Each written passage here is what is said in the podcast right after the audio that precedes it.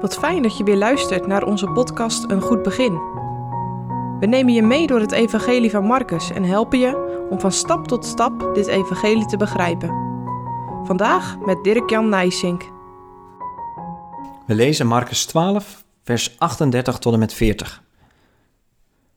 En hij zei tot hen in zijn leer: Wacht u voor de schriftgeleerden, die daar gaarne willen wandelen in lange klederen en gegroet zijn op de markten, en de voorgestoelten hebben in de synagogen, en de vooraanzittingen in de maaltijden, welke de huizen van de weduwen opeten, en dat onder de schijn van lang te bidden.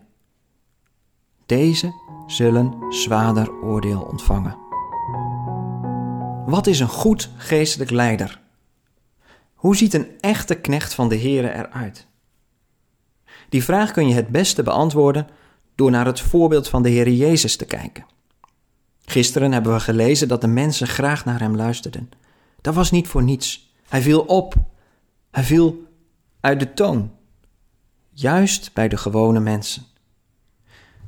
Jezus was een echt mens, maar wel een mens zonder zonde. Wij kunnen ons geen voorstelling maken van wat dat betekent, want ook de allerheiligsten, zegt de Heidelbergse catechismus, hebben in dit leven maar een klein begin van de nieuwe gehoorzaamheid. En Jezus was volmaakt gehoorzaam, volmaakt zachtmoedig en vol van liefde en ontferming. Dat Jezus zo was, betekent niet dat hij iemand was bij wie alles kon. Dat zou regelrechte Godonterering zijn om zo over hem te denken. Soms kom je dat beeld tegen. God de Vader is een strenge God, maar Jezus is dan meer de persoon die liefde uitstraalt. Wat dan vertaald wordt met dat bij Hem alles kan. Jezus is God zelf en bij Hem mag je komen zoals je bent, maar je kunt niet dezelfde blijven. Juist in de ontmoeting met de Heer Jezus leer je dat je bekering nodig hebt en dat je daarvoor bij Hem moet zijn.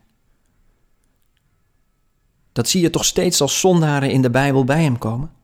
Hun leven verandert. Hij neemt de zondaren aan, maar niet hun zonde. Terug naar mijn vraag: hoe ziet een goed geestelijk leider eruit? Die lijkt dus op Jezus.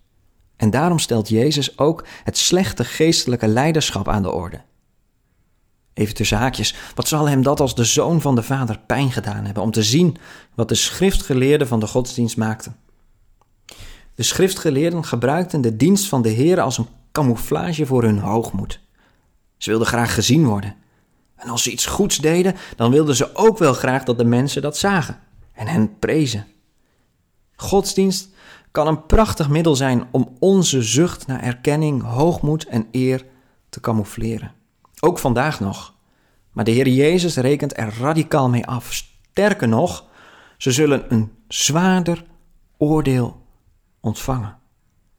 Het is namelijk regelrecht onrecht, vroom doen, ten koste van anderen.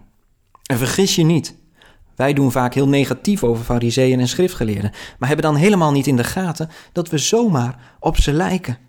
Want belangrijk gevonden worden, een beetje een goede naam hebben, complimenten ontvangen, meer betekenen dan die ander. Het zit in ons bloed. En de kerk, de dienst van de Heer, kan een prachtige camouflage zijn. Want wat klinkt het dan allemaal goed, geestelijk en vroom. Maar de Heer kijkt dwars door ons heen, door jou, door mij, door de dominee. Paulus schrijft aan de gemeente van Korinthe dat hij zich niet laat oordelen en dat hij ook zichzelf niet oordeelt. Hij heeft de complimentjes en de roem van mensen niet nodig als een soort brandstof voor zijn ego. Hij kijkt alleen omhoog. De Heere oordeelt over hem. En alleen als je klein bent en het zelf van genade moet hebben, dan alleen kan dat goed uitpakken. C.S. Lewis schrijft ergens over de zachtmoedigheid. Hij zegt dan: Als je een zachtmoedig mens ontmoet, zul je niet denken: Tjonge, die is zachtmoedig. Nee, dan denk je: Wat had hij of zij echt aandacht voor mij? Ken jij zo'n zachtmoedig mens? En verlang je ernaar om zelf zo te zijn?